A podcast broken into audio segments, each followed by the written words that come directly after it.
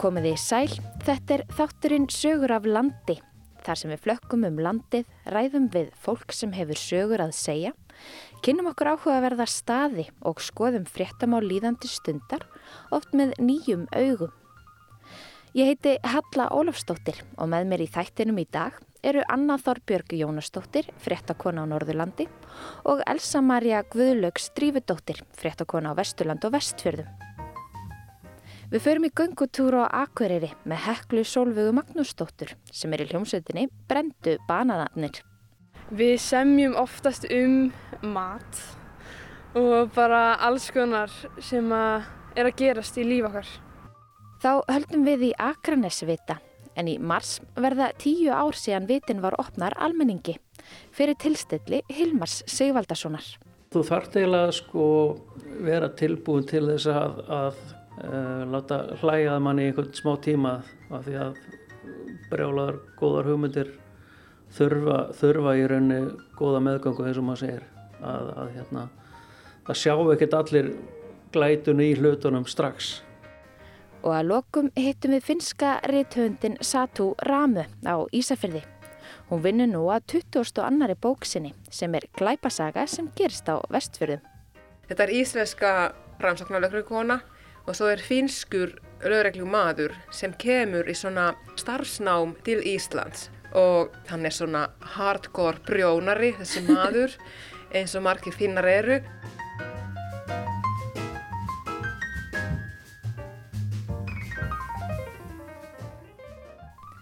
En við byrjum á Akureyri. Anna Þorbjörg, þú hittir stelpu sem er kannski aðeins yngri en þeir sem við venjulega tölum við í þættinum. Já, ég hef mikið hugsað til ungu kynnslóðurnar undafarið og við megum líklega alltaf tala meira við úlingan okkar. Ég ákvað því að mæla með mót við Heklu Solvögu Magnúsdóttur sem er 15 ára stelpa sem býr hérna á Akureyri. Af hverju ákvæmst að tala við hana? Ég hyrði í henni og hljómsveitinni hennar brendu bönunum og tónleikum í síðasta sumar og mér fannst svo skemmtilegt að, að sjá gleðina hjá þessu unga fólki og, og heyra tónlistina þeirra sem þau hafa sami sjálf og textana sem eru alveg frábærir. Mér langaði svona að hitta hana og forvittnaðist aðeins um líf úlingan í dag og fekk að vita aðeins meira um hljómsutinninnar. Brendu bannana.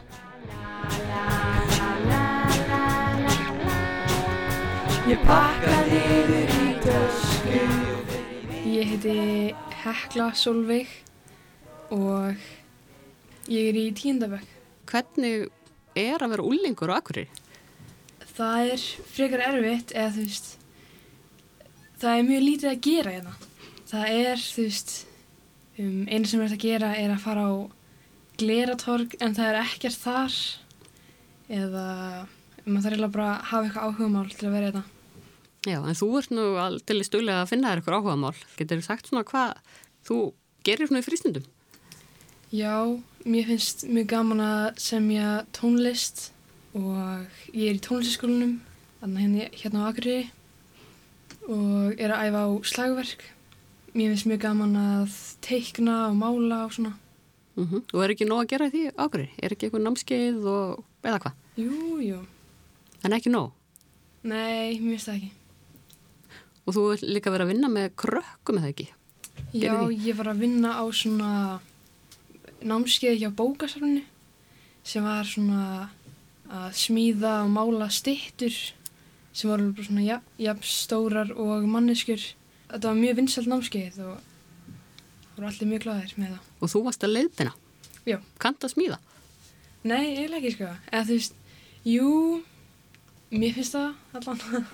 Eða þú veist, ég hef ekki mikla reynslu við, þannig að ég og fjölskytta mín reyndum að gera tréhús út í gardi en það virkaði ekki alveg. Náðum bara grunninum. Það var, er ekki tréhús í trénu í gardinum núna? Nei. Gáði spara upp? Já. En hvernig vist þér að vinna með svona litlum krökkum eins og þú varst að gera í sumar? Mér fannst það bara frekar gaman. Sumi krakkarnir voru frekar, þarna, pyrrandi, verið alltaf að mála fötinn sín viljandi og svona. Krakkarnir grenja um manni, vegabri og slakk.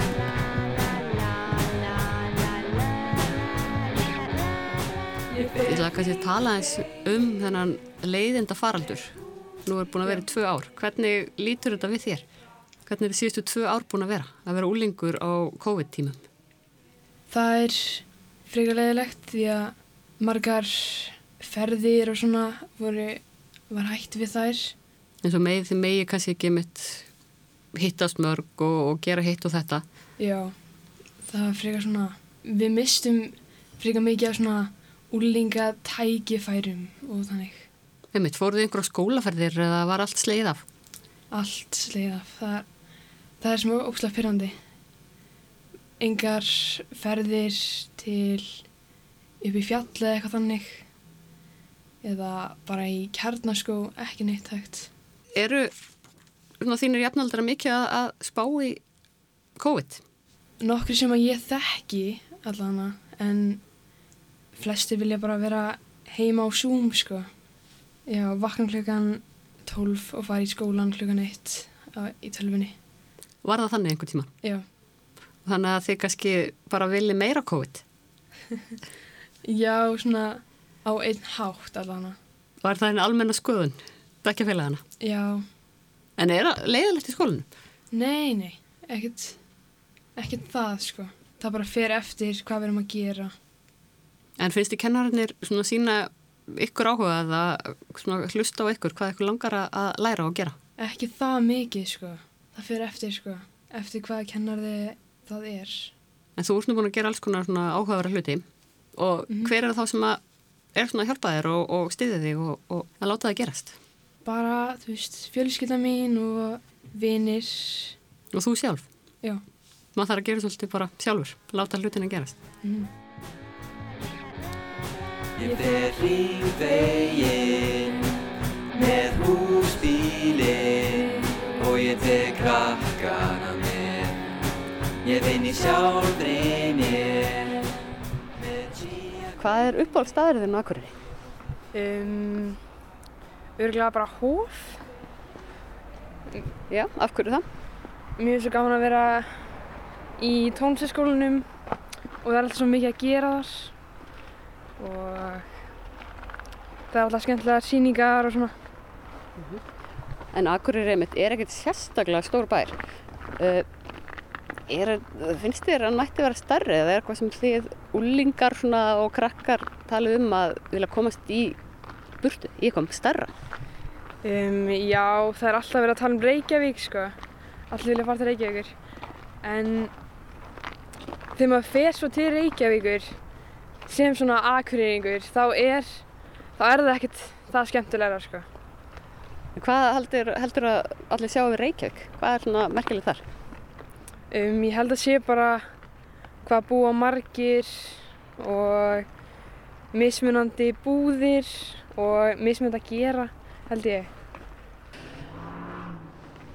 Heldur að Akureyri væri skemmtilegri að það væri fleiri sem ættu heima þarna? Um, já og nei. Það sem er skemmtilegt við Akureyri er hvað þetta er svona þétt samfélag og allir þekkjast. Allir þekkja einhvern sem að þekki þennan og eitthvað þannig. Þannig auðvelt að láta hlutina gerast. Já. Halda tónleika og, og svona. Já, en samt það er eiginlega um, það er samt frekar lítið af möguleikum af til dæmis stöðum til að spila á og þannig. En þú er sem sagt í hljómsveit, getur þú sagt okkur aðeins frá henni? Já, ég er í hljómsveit sem heitir Brendu bananarnir. Um, Minn er búinn að vera í hljómsveit síðan svona februar 2021 og það byrjaði sem ég og Gretar, hann er, uh, já, við söndum lag til þess að, að senda inn í keppni sem við komumst ekki í. Og þau heldur samt ótrúð áfram. Já, og hvað það ógæslega gaman og byrjum að semja fleiri lög og okkur gekk bara frekar vel sko. Og var, þið voru sagt tvö í hljómsdunni, en það hefur nú eitthvað bæst við það ekki?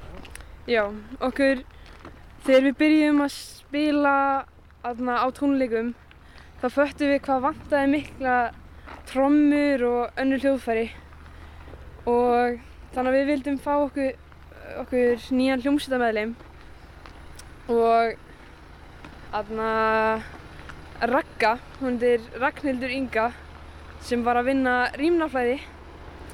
Aðna hún aðna ringdi í okkur og baði um að vera með í hljómsdunni. Þannig að þið voru svona fræga að fólk bara var að hafa samband við ykkur. Já, með mitt. En er ekki, finnst fólk ekki svolítið spennandi að, að vera hljómsveit? Jú, þannig að við settum upp auglýsingar og nokkri sendu okkur post en eh, sumir bara þrauk ekki að vera svona lengi á æfingum og svona. Um þau æfið svo mikið þá það? Um, ekki mikið lengur af því að sumir eru hættir en þarna stundum voru æfingar bara 6 klukkutímar sem var frekar þreytandi en rosa gaman sko. En farið miklu aðtikli fyrir að í hljómsveit? Um, uh, ekkert, jú, jú, eða þú veist, um, Mætti vera meira? já, mætti vera meira. En þið búið til ykkar eigin tónlist, er það ekki að mestu leiti?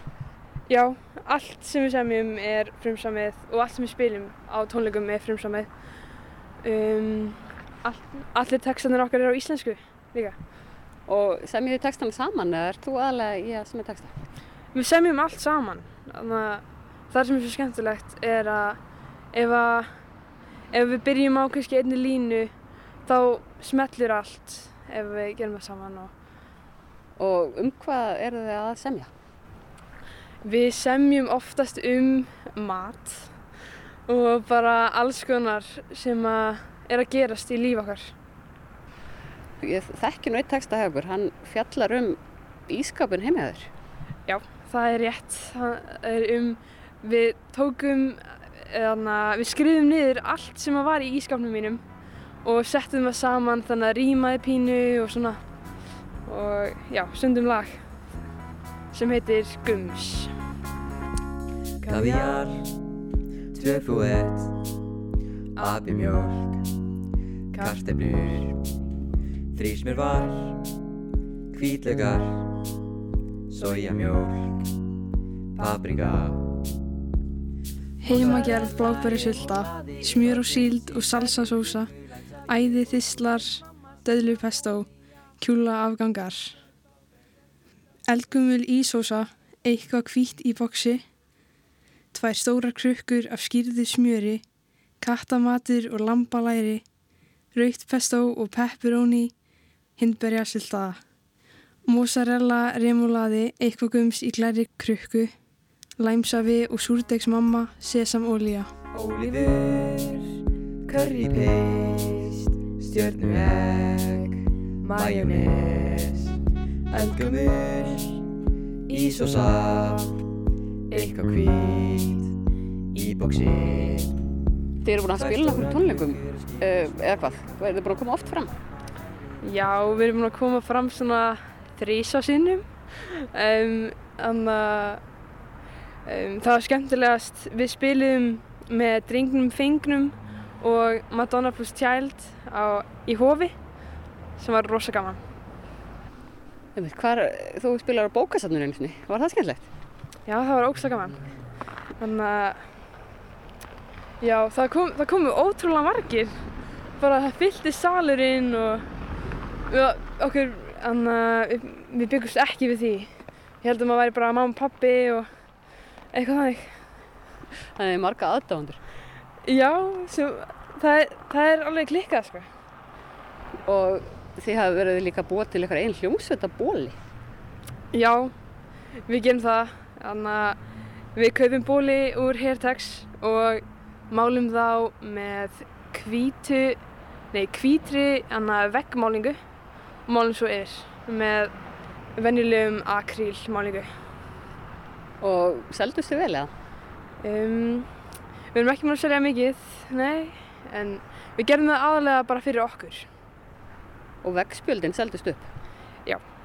Það var rosa gaman. Ég eitti aðna alveg heilum degi ég málaði og seldist öll. Það var ógslag gaman. Og þetta var allt, hvert einasta handgjört. Ætlar að fara að leggjast í fjöldaframleyslu? Já, ég, þannig að ég er ennþá að mála þig bara. En ætlið að halda áfram hljómsveitinu og hvað, hvað langar ykkur að fara? Hvað langar ykkur að gera með hljómsveitina? Um, okkur langar að fara í músitilunir á þessu ári, en við sjáum hvað, hvort þið komumst eða Þú sagði mér aðan að þið kaupið alla bólina í Hertex. Er það svona umhverfisvendar sjónamið eða, eða bara fjárhagslegt? bæði, bæði, það er, það er líka bara miklu þæleri föt í Hertex, það er bara, það er bara þannig. En nú er mikið talað um umhverfismál og endurvinna og endurnýta. Er það eitthvað sem þú hugsa mikið um? Já, auðvitað, allir ætti að gera sinn part og já, reyna að gera sitt besta bara. Og tala svona þínu jafnveldra mikið um umhverfismál?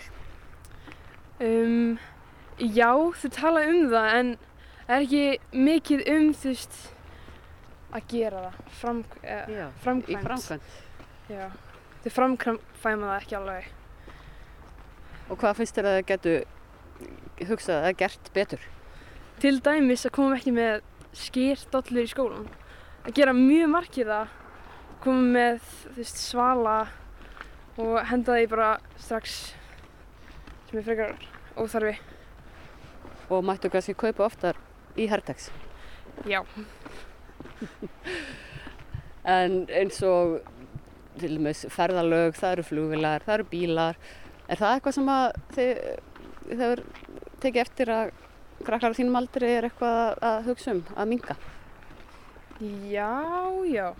Það er rosalega mikið sport að hjóla núna, þannig að það er gott. En þið náttúrulega hafið ekki bílbrú ennþá, þannig að kannski auðvelt að, að hjó, framkvæma það þá núna. Já, reyndar, það er, það er frekar satt. Orkudrykkir eru vondir Fyrir líkamann fyrir Orkudrykkir eru vondir fyrir líkamann þinn. Ef þú drekkur of mikið þá færðu sveppvandamál. Það er svona eins og ljóð eða eitthvað. Umvitt, þetta er pínir svo ljóð. En ég held að úlingar varu vittlusir í orkudrykki, er það ekki rétt? Um, jú, ég, ég þekki það af bekkjafélögum mínum og svona. En ég hef al- aldrei smakað það, sko. Nei, og allir ekki að gera. Nei, ekki strax.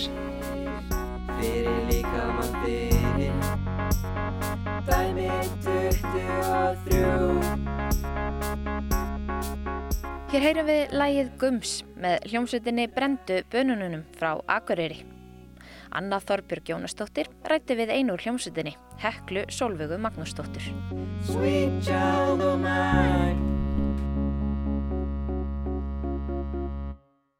En frá Akureyri höldum við á Akranes. Elsa Maria, þú fórst í Akranes Vita. Já, ég kíkti á Akranesvita á breyðinni á Akranesi. Um, það eru tíu ár um þessar myndir síðan að vitin var opnaður gestum á gangandi og á þeim tíma hefur hann bætt þessi nýju hlutverki til viðbútar að vera klassískur viti eins og við þekkjum. Núna er hann ferðamannastaður og ekki síður eins konar menningarstofnun Akranesinga. Og mér langaði til þess að vita meira um vitan, þannig ég fór þangað og hitti Hilmar Sigvaldarsson vitaverð.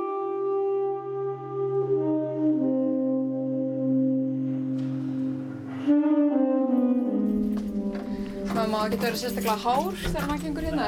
Það er nokkur skalla hérna, sérstaklega hérna ytri. Já. Það ómar svona. Það ómar svakalega vel og það er betri, betri hljómburður upp á annari hæðinni heldur en hérna á jarðhæðinni. Eða að fara kannski upp á aðra. Við kíkja upp á aðra hæð. Já.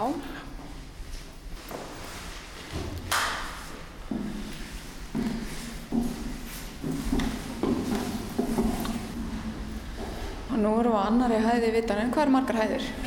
Það eru fimm og þessi hæð sem við erum á núna er svo hæð sem við höfum flesta tónleikan á. Það heyrist glögt að það ómar vel. Já, ómar svakalega vel. Þetta er ótrúlega mikill hljómburður hérna. Þeir tala um tónlistamenn að hver tón uh, sem sagt, sé í um það byrj tíu sekundur.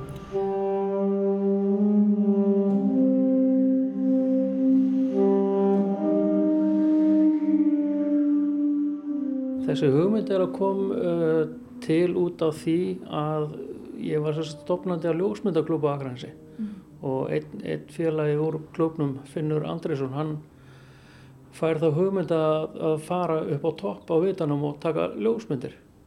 Og hann sem sagt fær lánaði líkilinn hjá vegagerðinni. Og af því að ég var sérst formaður ljósmyndafélagsins að þá leta mig gema líkilinn og sérst í millitíðinni fæ ég þessa hugmynd að, að reyna að gera Akranisvitan að ferðamannastað. Næstu skrif voru þau að ég fór með þessa hugmynd til, til hérna, markasnefndar Akraneskjöfstar og rætti þessa hugmynd þar og fekk í rauninu vel vilja fyrir því að, að gera þetta en meðan hafði ekki mikla trú að þetta erði eitthvað áframhaldandi verkefni. En þú hefur haft trú á þessu? Ég hafði trú á þessu allan tíman og það er eins og með margar bilaðar hugmyndir að maður verður að hafa trú á, á því sem maður er, er, er að bæli í. En þú, þú starfaðir ekki við ferðarþjónustu þegar þú byrjaðir þetta æfintýri? Nei, ég var að vinna í álverinu hérna inn, í, inn á Grundatanga og svona fyrstu svona þrjú, fjögur árin að þá, þá hérna, gerði þetta meðfram þeirri vinnu. Notaði rauninni mína frítíma til þess að pikka hérna um ferðamenn og bjóða þeim upp á toppin. Sko þú segir fyrstu árin þá varst að gera þetta meðframvinnu.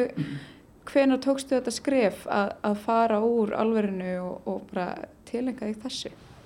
Það var um, í kringu 20. november 2014 að við minnir að ég segi upp inn í álveru og er ráðin sem, sem uh, starfsmaður bæjarins við þetta. Og þegar að best lit áður en á COVID kom að þá vorum við með opið alveg 8 tíma á dag og það var að við minnir alla daga, vikunar. En hvernig tilfinning var það að eh, yfirgefa alverið og fara svona í þetta, hérna, þetta starf hér? Þetta er náttúrulega var alltaf skrítið um, að fara úr, fara úr þeirri vinnu sem var í og fara í eitthvað sem að þú vissir ekki hvort að kemur til með að ver, vera eða ekki, hvort að það myndi sagt vaksa eða, eða, eða bara degja út. En þetta hefur allt lukkast rosalega vel og mér líður afskaplega vel í þessu starfi og, og á mjög erfitt með að vera í rauninu í fríi. Það er rosalega erfitt að vera í fríi í svona starfi þar sem þú ert með ástriði fyrir ákveðnum hlutum og náttúrulega er ég búinn að skrá mig inn á fjöldan allan á svona vita síðum inn á Facebook og er þykist allavega frekar virkur inn á þeim síðum. Hvað er það sem að vekur upp þessa ástriðu? Af hverju er þetta svona mikilvægt fyrir þig og af hverju helgar þig þessi? Ég, ég áhegilega enga skýring á því. Fæðið minn heitin, hann var, var sjómaður, það er nú eina sem er svona tengir, tengir þetta saman. En eh, eins og segjum, mér langaði bara til að gera eitthvað fyrir bæjum minn til þess að auka hér ferða, hérna, fjölda ferðamanna og ég held að það tekist bara nokkuð vel en það er engin eiginlega tenging við vita eitthvað sérstaklega sem að komur á staði í, í þessu. Ég sá bara þarna að það var þarna eh, mannverki sem að hafði ekkert verið nýtt í, í slíka hluti og vildi bara prófa þetta og það eins og segja bara tekist nokkuð vel. En þú ert skagamæður í húð og hár og hefur ástæð þessum bæ. Já, ég er fættur og uppalinn hérna á Akranesi og hef aldrei búið annar heldur en hérna á Akranesi og líður bara afskaplega vel hérna. En eh, það má alveg segja að heimsóknir hafa aukist og, og áhugi og vittneskja fólks um þannig að vita hér og að sé eftir að koma hinga á heimsækjan hefur aukist á þessum árum. Hvernig, núna þegar það eru tíu ár liðin frá því að þú hóst þetta, hvernig líður þér þegar þú lítur svona um auksl og hvað ber hæst kannski?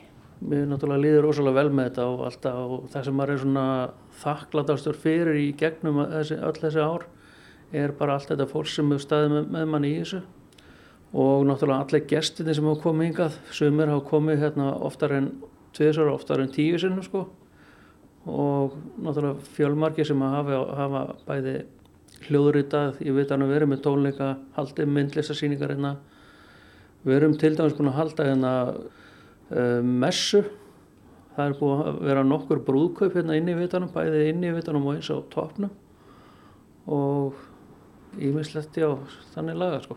Það er meira sér búið að, að búið hérna, að búið skýra barnina meira sér í vitanum líka. Og við erum búin að vera með jóka þannig að ég bara auðvitað eftir hugmyndu sem er hægt að framkama hann inni sko. Og þú ert til í þessi æfintýri. Ég er alltaf til í, til í svona passlega brjálu æfintýri á algjörlega. En þú verðist vera með margar hugmyndir. Ertu alltaf með nokkrar í gangi? Ég er með mjög margar, margar hugmyndir í gangi og það er ekkert endilega tengdar bara þessu vita, það eru bara ýmsar, ýmsar hérna, hugmyndir sem ég er búin að láta, frá, láta frá mér og aðrar ekki, sumar eru í gangi og aðrar ekki og hausin á mér er á fullu alla, alla daga. En það þarf kannski svolítið hugrekki líka til þess að gera þetta. Já, þú þarft eiginlega sko vera tilbúin til þess að, að hvað ég segja, uh, láta hlæjaða manni í einhvern smá tíma af því að brjálaðar góðar hugmyndir þurfa, þurfa í raunni góða meðgangu eins og maður segir að, að hérna, það sjá ekkert allir glætun í hlutunum strax. Hefur þú alltaf verið jafn vissum þetta hvarlað aldrei að þeirra draga þig út úr þessu? Það er náttúrulega kom að því sko svona komu ákveðin tíma, tímapunktar hjá manni að, að hérna maður svona efaðist um, um að þetta væri eitthvað sem að gæti gengið en einhvern veginn svona daginn eftir að maður svona fekk, hvað ég segja, svona bakslag í þetta þá, þá einhvern veginn bara hertist maður í þessu og held áfram.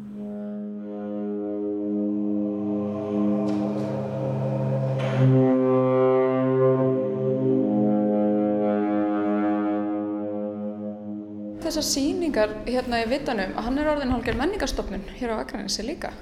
Hann er, já, hann er orðið það. Og hefur tölu yfir það hvað hafa verið margar síningar á síðustu tíu árum? Nei, það eru fjölmargar. Það eru voru náttúrulega ekkert rosalega margar fyrstu eitt-tvö árin en það eru svona á hverju ári eru svona cirka fjórar fimm síningar og þetta er orðið þannig að fólk er fara sækist eftir að fá að halda hérna síningar.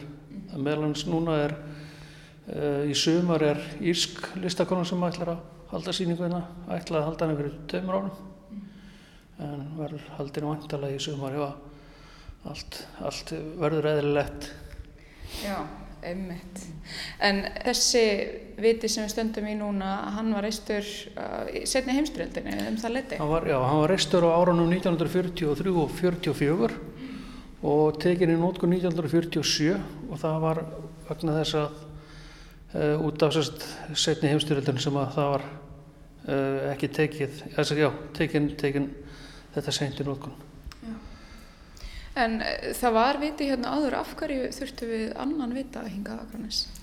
Vegna stærri skipa þurftu við stærri, stærri vita. Það vitanir voru frekar litlir hérna áður fyrr og, og hérna, en eftir að skipakostur varð meira og betri að þá þurftu við stærri vita. Það er varasamt hér á þessum slóðum, það voruð skipsbrott. Það voru skipskaðar hérna í kringjá og það ég, um, ég held ég var rétt með það að það séu nokkur skipsflökk hérna út af flösunni og meðan hans fóst hérna skip 1905 á meðan og listaverkisest sem er hérna út af flösunni er einmitt minnisvarðum um það slis. Þar fórust 11 manns. Þannig að það var ekki vanþörf á, það var þá 1905 og, og gamli vitin tekið notku 1918. Já, það er sérst í kjálfari af þessu slisi sem, sem vitin er byggður.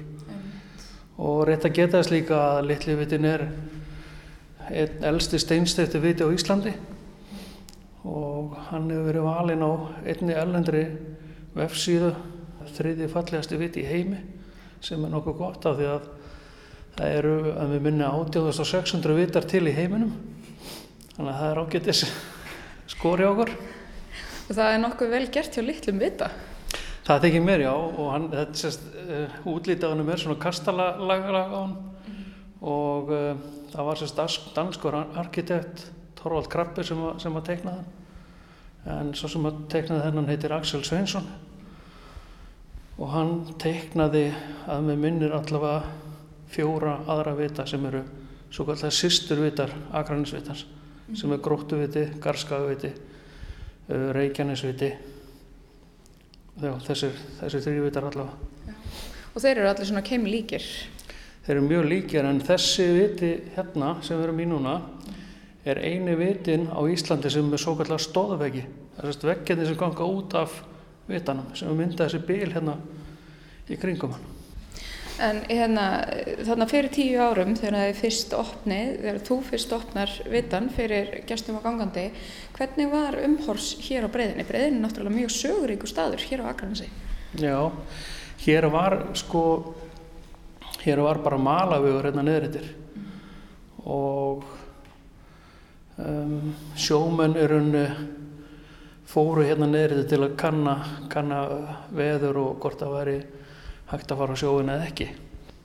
En síðan þegar þetta er uh, hannað eins og það er í dag, að þá þurfa að menna að leggja bílum hérna aðeins frá og það er svo sem ekki allir ánað með, með þetta. En þetta er orðið meira, svæði hérna í kring er orðið meira bara útífista svæði heldur en það var. Og núna er þetta svona ferðarþjónustu punktur uh, og, og staður fyrir þá sem að koma á heimsækja Akranes til þess að koma á. Uh, hvað kemur svo? Hvernig sér þau framtíðina fyrir þér hérna á breyðinu?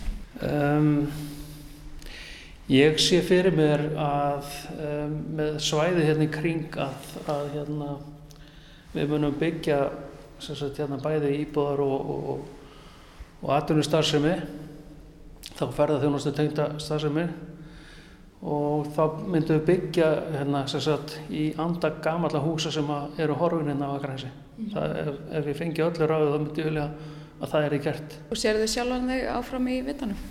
Ég er að vona að, að bærin treysti mér allavega næstu tíu ár líka í þetta. Já, það verður bara komið ljós. Já. En þú, þú sér þig hérna og heldur ótröður áfram? Ég ætla að gera það, svo lengi sem ég fæ að, að valsa hérna. Hilmar Vitaverður, það var gaman að koma í heins og tíði. Takk fyrir.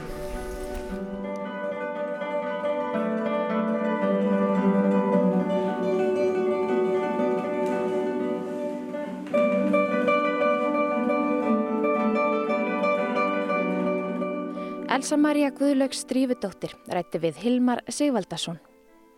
Þá hljómuðu tónar úr vitanum.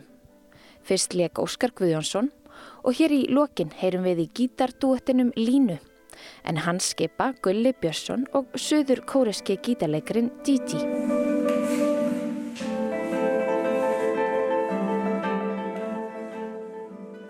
Úr Akranesvita höldum við vestur á Ísafjörð. No niin, Islannin yleisradiosta hyvää päivää. Mä olen nyt aloittanut kirjeenvaihtajana täällä Isafjörðurissa. No en ole. Mua haastatellaan yhteen radio Finski rithöndrin Satu Ramu er hér að setja sögu inn á samfélagsmiðlinn Instagram. Þar segir hún frá lífi sínu á Ísafjörði og í þetta skiptið frá því að hún er vist komin í útvarsviðtal. Ég heiti Satu Lísa Maria Ramu. Hvað segir þú vinnu við? Já, sko þetta er mjög góð spurning og erfitt spurning út af ég er að gera hitt og þetta. Mér finnst langt skemmtilegast að vera reythöfundur en eins og allir sem eru reythöfundar vita kannski að það er ekki alltaf nóg til að ná endanum saman að vera bara reythöfundur svo ég er líka svona lítill auglýsingastofa. Ég er að búa til auglýsingar til Finnlands á Ísafjörði. Já. Hvernig lág leiðin fyrst til Íslands og svo til Ísafjörðar? Ég held að ég var svona örugleika tíu ára gömul, nýju tíu, þegar ég fattaði að Íslandi er með hverna fórsetti. Bíktis Lindbókadóttir var fórsetti þá og það var eitthvað frettir um hana í sjónvarpinu og ég svona, hmm, fórsetti, en hún er kona. Þetta var mjög skrítið í þessum tíma, það var svona, hei, vá, ótrúlega flott. Mér langar að fara þángat og kikja þetta aðeins betur og svo var ég Í finska ríkisútvarpinu var sínd nonni og manni, kannski fólk muna þessi tásamlega barna, barna þætt og þá var ég svona, vá, þar eru þessi ákveðna fórsetti en svo er líka hestar og kvalur og eldgós og Ísbjörn. Já, Ísbjörn, einmitt, að þetta er bara magnað og mér langar einhvern veginn að fara. En Ísland var svo langt í burtu að það var ekki hægt að gera svona víkuferð eða helgaferð þessum tíma. Svo þegar ég var í háskólanum í Finnlandi, í Helsingi það var hægt að fara út til að læra út í eitt önn eða eitt ár á einhverjum háskóla og ég sá að þetta var háskóli Íslands var þarna á listanum Ég er svona, hei, núna hef ég tækifæri að fara og ef ég fer ekki núna þá fer ég aldrei. Og svo kom ég til að læra hagfræði og þetta var örugleika 2003, ef ég minni mér rétt, já.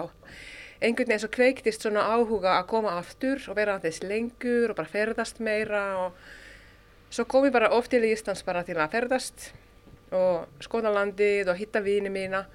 Og svo ég hitti manninu mínum í kaffibarnum í Reykjavík Já. svona mjög klassisk sem ég vissi ekki þá það er einhvern klassisk svona, svona staður til að hitta fólk. Það var bara gaman að, að fara þarna á party og það var fyndu dagur þetta var ekki alveg svona mega jammit en það var samt mjög skemmtilegt og svo ég fara að fló til Finnlands á sunnudaginn og ég hitti eitthvað annan þessari helgi þannig að þá við bara hittumst og við erum gift núna og erum með tvö börn þannig að Já. svona fór þetta En er þetta þá langmest sögur af Íslandi? Þú ert að miðla upplýsingum um Ísland til finna?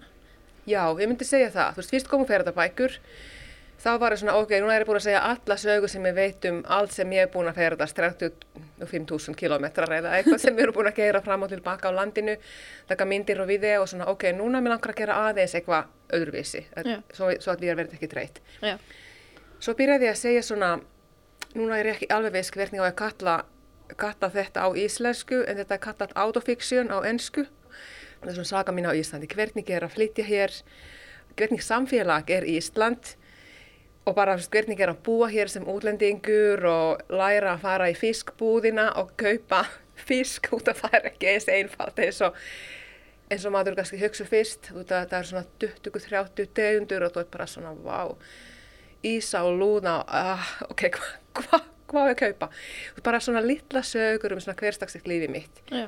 Og þessar bækur eru búin að vera mjög vinsælt og ég spurði síðastu viku útgefanda minn hversu mikið hefur þessar bækur selt svona allt saman núna fyrst af þessum sögum kom út svona fimm ár síðan og nýjasti kom núna út í sumar 21 uh, 46.000 og ég er svona ok, æðislegt þannig að ég get svona núna í alvöru kannski svona 50% vinna mín er að skrifa sem mér finnst bara ótrúlega gaman Já.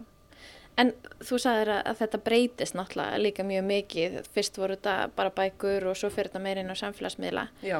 Þú ert í rauninni að sinna samfélagsmiðlum allan daginn. Já, ég er á Instagraminu svona 6-8 klukkutímar á dag ég, það hljómar bara ekki gott ef þetta væri ekki vinnan mín. En ég er þarna svona 80% af tímanum þegar ég er á Instagram, Facebook, nú ekki le- eins mikið lengur á, á Facebook, ég held að Instagramið er orðin svona stærsta miðili fyrir mig og fyrir svona fyrir aldrushópin sem ég er að tala við, svona 25 til 50 ára gamla konur sem búa í Finnlandi og Instagram er stærsta þar.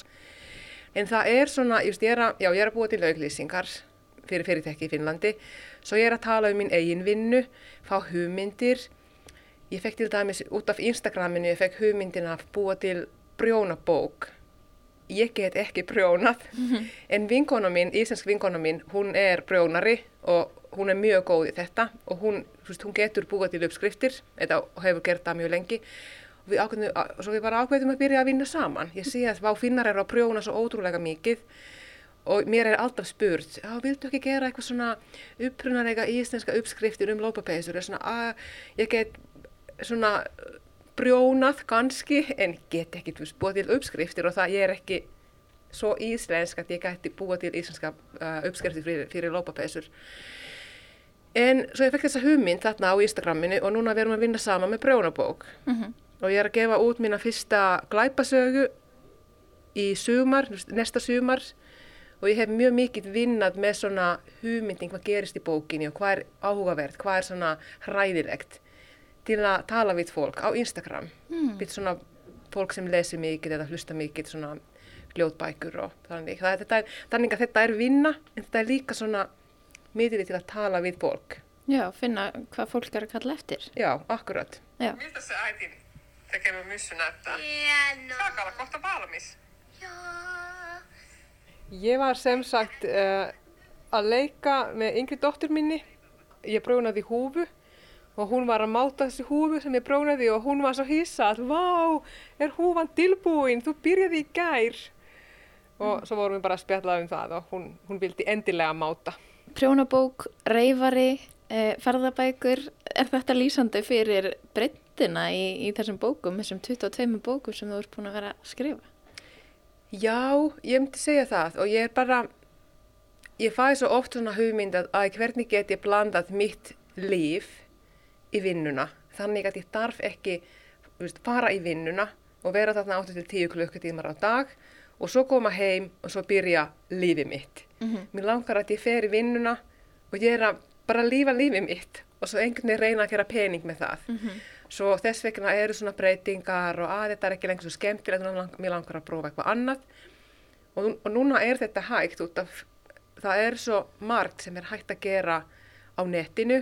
Þetta þarf ekki mæta á sama vinnustað á hverjum degi og sérstaklega eftir COVID, engin, það er engin lengur spurt mér að, hei, hvað er þú að gera og hva, hvar er þú að gera allt þetta, þú veist, getur þú ekki mætt einu sinni fund? núna, það, núna er bara allir í Zooms og Teams og ég er svona, ok, ekki þarf að segja eitt svona pínu jákvæð máli þetta tvö, þrjú ár sem er búin að vera, tvö ár núna, þetta mjög erfið tímabil annars, er það að svona remote vinna er orðin meira algengari og ég er bara svona, ég, ok, það er gott. Já. Talandum hvar þú ert stödd, þú ert hérna búin að koma þér fyrir í kallara á Ísafjörði. Hvar, hvar vinnur þú? Hvar, hvar er vinnaðinn? Vinnan mín er í miðbæ Ísafjörðar, er kaffihús heimabyggt er hérna fyrir Rófan. Heyrist kannski þess vegna stundum svona smá bröld, ég veit ekki hvort að hlustundur heyri það en það er búið að vera nóg að gera hérna uppi. Já, og þetta er mjög kósi að vera hér í kallara, mjög stutt að fara í kaffi, mjög stutt að fara í að æfa eða út að hlaupa og við búum bara rétt hjá, þannig að ég þarf ekki nota bíl nema ég fer á upp á skíðasvæði.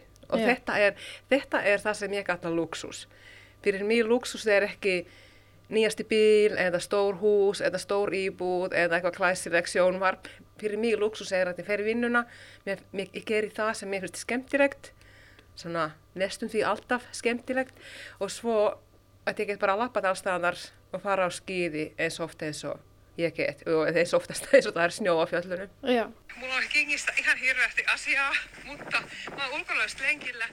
Ég var sem sagt út að skokka og hlusta á nýjustu bók hans Stephen King.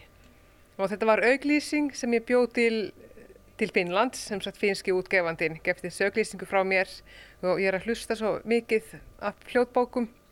En þetta er hluta af vinnunniðinni. Já, einmitt, ég var út að hlaupa en ég var í vinnunni, svona 50% vinnu, 50% skemmtin. En mörkin á milli lífsins og, og vinnunar, það er kostur að geta einhvern veginn lifað í vinnunni eins og þú segir, en, en stundum hlýtur þetta líka að vera flókið upp á það að vilja kannski ekki e, að þetta verður persónulegt.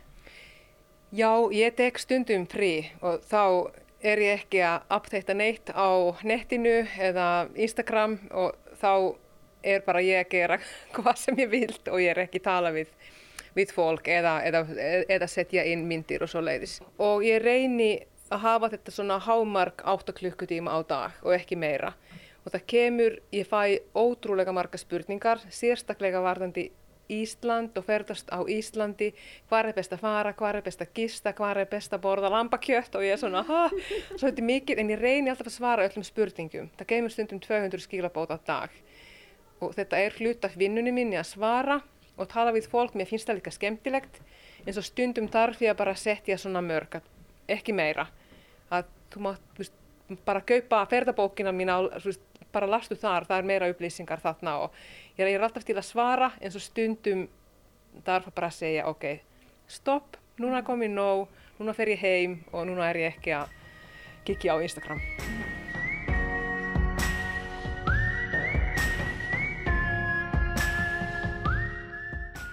Það er ekkert mjög langt síðan að þið fluttuð á Ísafjörð. Nei, við komum hingað bara korter fyrir COVID. Já. En hvernig kom það til að þið ákveða að flytja á Ísafjörð? Sko, um, við höfum alltaf verið mjög svona hrifin að fara út veist, á fjöllum, fara, veist, gera langa göngutúrar, fara út með hesta, uh, fara á skíði, maðurinn minn er mikið að klifra og líka dætturnar okkar tvær. Við erum öll svona mjög mikið að vera úti og gera alls konar þar. Og þegar við, við búkum í Reykjavík uh, fyrir 15 ár, í miðbæ og það var klæsilegt og Reykjavík er flott borg en það sem var svona pínu leiðinlegt var það að við þurftum alltaf að taka bíl til að fara út í náttúru. Eða keira kannski klukkutíma að fara á skíði eða taka hjóli með og keira einhverjum stað til að fara út að hjóla. Núna getum við bara farið út við förum bara beint að hjóla eða, eða, eða hlaupa á fjöllum eða hvað sem er. Svo ég held þetta náttúran einhvern veginn var að við vorum að spá, ok, reynum eitt ár. Förum, förum út út á land eitthvað svona lítill bæ samt að skólinn er nálegt svo að við þurfum ekki keira á hverjum degi þetta væri bara svona einhvern veginn svona rólegt lífstíl þetta væri þjónusta, það væri beint flug frá Reykjavík út á stundum út á vinnuna þarf að fara í, í, í höfuborg og við vorum bara að skoða landakort svona ok, hvar væri skemmtilegt að búa í? Og svo það var að strax svona já, náttúrulega á Ísafyrði mm -hmm. fjöll og veist, þetta er svo einhvern veginn svo frábært flott svæði. Og svo við góðum bara hingað. Við, við ættuðum að vera eitt ár. En svo byrjaði árum með tvö og við erum svona ok, göpum bara íbúð og erum aðeins lengur. Og svo við bara sjáum til, við erum búin að vera hér nefnir tvö og halvt ár bráðum og þetta er bara ennþá ótrúlega gaman Já. þótt tíminn hefur verið svolítið spes út af COVID en En þeir eru búin að kaupa ykkur hús og, og og laga það, Já. og, og uh, já, við erum bara, maðurinn minn er að vinna hér á Ísafjörði, börnin eru í skólan og þeim finnst báðar svona að förum ekki alveg strax tilbaka til Reykjavíkur, það er, þeim finnst mjög gaman að fara í heimsók og hitta gamla vini og fjölskyldu og svona, náttúrulega, en þeim finnst líka mjög gaman að búa hér, bara svona svona frekar lítill bæ, skólinn rétt hjá, frábær dólistaskóli, það er svo mikið samt til þó þetta er mjög lítill. Já.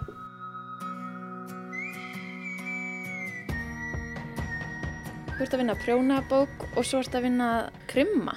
Já, glæpasögu sem gerist náttúrulega á Ísafyrði, hvar annars. Máttu segja frá? Já, þetta er mjög, ég, ég elska þessa sögu, ég er bara hverjum veit ekki að kem í vinnuna og ég er svona, ah, hver, hver, má ég drepa í dag? Nei, þetta er svona, ég elska uh, fólk sem er inn í bókinni út af ég hef reynd einhvern veginn að, þetta er íslenska lögreglukona, rannsóknarlögreglukona og svo er finskur lögreglumadur sem kemur í svona svona, sta, svona starfsnám til Íslands. Það er hægt, það er til svona prógram sem heitir Nordkapp, núna má ég segja þetta út af bókun er alveg að koma út. Já. og það þýðir að lögreglumenn í Norrnalöndum geta tekið svona nokkra mánuða svona starfsnám, þú veist að vinna í Stokkólmi eða Göfnahöfn eða á Ísafjörði og svo kemur finsku gaur til Ísafjörðar, byrjar að vinna hér. Og hann er að prjóna mjög mikið, hann er svona hardcore prjónari, þessi maður eins og margir finnar eru og já, þetta bara bókin kemur út í júni og ég hlakka mjög mikið til. Já. Heldur að Íslendingar fáið tækifæri til að lesa hana á íslensku? Já, ég vona það svo innilega að ég, ég hef talað núna við svona bóka-agent í Finnlandi sem myndi svo taka bókina og reyna að fá þetta þitt í mismunandi tungumál. Ég vona að þetta gerist en ef ekki, ég er samt mjög ánægð að ég er búin að skrifa þessa bók og, og byrja svona krimi sýri. Þetta, þetta, þetta, þetta verður nokkra bækur allt saman í þessu uh, hildur. Hildur heitir sem sagt aðal karakterin í bókinni Já. og bókaserin er veist, undir hennar nafn. Já. Spennandi. Takk. Við vonandi fáum að lesa hana í daginn á, á íslensku þeir sem skilja ekki finsku. En annars segi ég bara gangir vel með skrifin og, og lífið á Ísafjörði. Takk fyrir. Takk fyrir Takk fyrir.